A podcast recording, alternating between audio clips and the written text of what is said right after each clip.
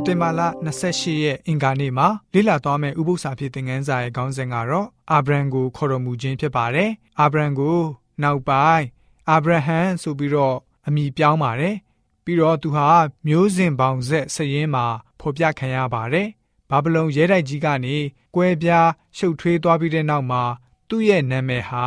တမန်ကျမ်းစာမှတ်တမ်းမှာပါဝင်လာပါတယ်။ကပောက်ကျန်ခန်းကြီး7နှစ်အငယ်1ကနေ3ကိုဖတ်ပါမယ်။ ထာဝရဘုရားသည်လည်းအာဗြံကိုခေါ်တော်မူ၍သင်ဤပြည်နှင့်တကွအမျိုးသားချင်းပေါက်ဖော်များတဲ့ကထွက်ပြီးလင်ငါပြလက်တန်သောပြည်သို့သွားလော့။ငါသည်တင့်ကိုလူမျိုးကြီးဖြစ်စေမည်။ငါကောင်းကြီးပေး၍သင်ဤနာမကိုကြီးမြတ်စေမည်။သင်သည်ကောင်းကြီးခံရသောသူဖြစ်လိမ့်မည်။သင်ကိုကောင်းကြီးပေးသောသူကိုငါကောင်းကြီးပေးမည်။သင်ကိုကျိန်ဆဲသောသူကိုငါကျိန်ဆဲမည်။ သင်အားဖြင့်လည်းလူမျိုးအပေါင်းတို့သည် ကောင်းကြီးမင်္ဂလာကိုခံရကြလိမ့်မည်ဟုမိန့်တော်မူ၏ဆိုပြီးတော့ဖော်ပြထားပါတယ်။ခုနကကျမ်းချက်ကဆိုလို့ရှိရင်အာဗြဟံကိုခေါ်တော်မူတဲ့အကြောင်းဖြစ်ပါတယ်။ယနေ့ကျွန်တော်တို့ယေရှုကားတိုင်ပေါ်အသေးခံပြီးနောက်ပိုင်းကာလကိုပြန်ကြည့်လိုက်မယ်ဆိုရင်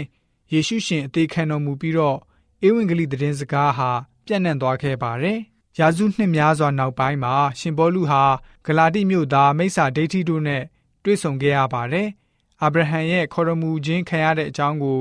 ဆွေးနွေးပြောဆိုကြပါတယ်။ဖျားရှင်ကျူတင်စီစဉ်တဲ့အကြောင်းအရာကိုပြသတဲ့ရှေးအကြောင်းအရာတည်းလို့မှတ်ယူကြပါတယ်။ကဘာအနှံ့ဧဝံဂေလိသတင်းပြန့်နှံ့ရမယ်လို့သတ်မှတ်ပါတယ်။ဂလာတိဩရစာခန်းကြီး3ငွေ9ကနေ9မှာ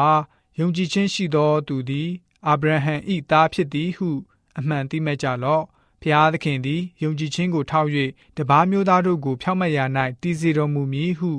ကျမ်းစာသည်မျှော်မြင်လျက်အာဗြဟံအားအမိန့်ရှိ၍တင့်အားဖြင့်လူမျိုးအပေါင်းတို့သည် ကောင်းကြီးမင်္ဂလာကိုခံရကြလိမ့်မည်ဟု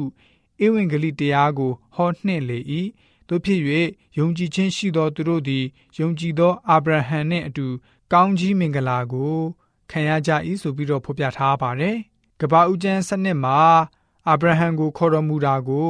ပထမဦးဆုံးဖော်ပြထားတဲ့ကျမ်းချက်ပဲဖြစ်ပါတယ်။ ကြံကဘာဦးကျန်းအကြောင်းအရာတွေကတော့အများစုကဆင်းသက်တဲ့အဆွေအမျိုးစည်းရင်းတွေကိုသာဖော်ပြပါတယ်။နောက်ပြီးမိသားစုကမောက်ကမအကြောင်းအရာတွေနဲ့နောက်ပိုင်းမောရှိကိုခေါ်တဲ့အကြောင်းအရာတွေကိုတွေ့ရှိရမှာဖြစ်ပါတယ်။တမန်တော်ဝတ္ထုခန်းကြီး9ငွေ20နဲ့36ကိုဖတ်ကြည့်မယ်ဆိုလို့ရှိရင်တော့တတိဖန်ရဲ့မာတုရတေချင်းအကြောင်းကိုတွေ့ရမှာပဲဖြစ်ပါတယ်။တတိဖန်ရဲ့မာတုရတေချင်းဟာမောရှိနဲ့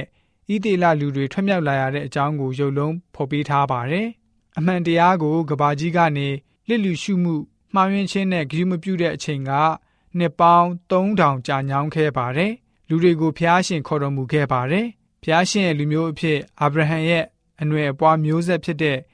ဣသေလလူမျိုးတွေကိုအဂတုပြည်ကနေခေါ်ထုတ်ခဲ့ပါတယ်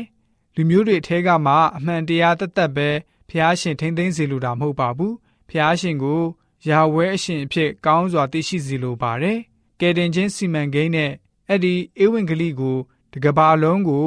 ပြန့်နှံ့သွားစေဖို့ဖြစ်ပါတယ်။အခုအချိန်ခါမှာကျွန်တော်တို့တတမနဲ့အသင်းသူသင်သားတွေအနေနဲ့ကဘာကြီးနဲ့ဘယ်လိုမျိုးပတ်သက်ဆက်ဆံမှုရှိနေပါသလဲ။ရှေးဣသေလလူတွေနဲ့ကျွန်တော်တို့အကြားမှာဘယ်လိုမျိုးတူညီချက်တွေရှိပါသလဲ။ပို့ပြီးတော့အရေးကြီးတာကတော့ကျွန်တော်တို့တီးခြားတူးစီမှာဆိုလို့ရှိရင်ဘယ်လိုမျိုးတာဝန်ဝတ္တရားတွေရှိနေပါသလဲဆိုတာကိုပြန်လည်ပြီးတော့စဉ်းစားဖို့ဖြစ်ပါတယ်။ ဖျားရှင်ဆိုလို့ရှိရင်ကျွန်တော်တို့ယဉ်ကျေးသူတွေအားဖြင့်သူ့ရဲ့ကယ်တင်ခြင်းစီမံကိန်းနဲ့သူ့ရဲ့ဧဝံဂေလိသတင်းစကားကိုတကဘာလုံးကိုပြန့်နှံ့သွားစေဖို့အလိုတော်ရှိပါတယ်ဆိုပြီးတော့အင်္ဂါနေ့ဥပုသ္စာပြေသင်ခန်းစာကဖော်ပြပေးထားပါတယ်။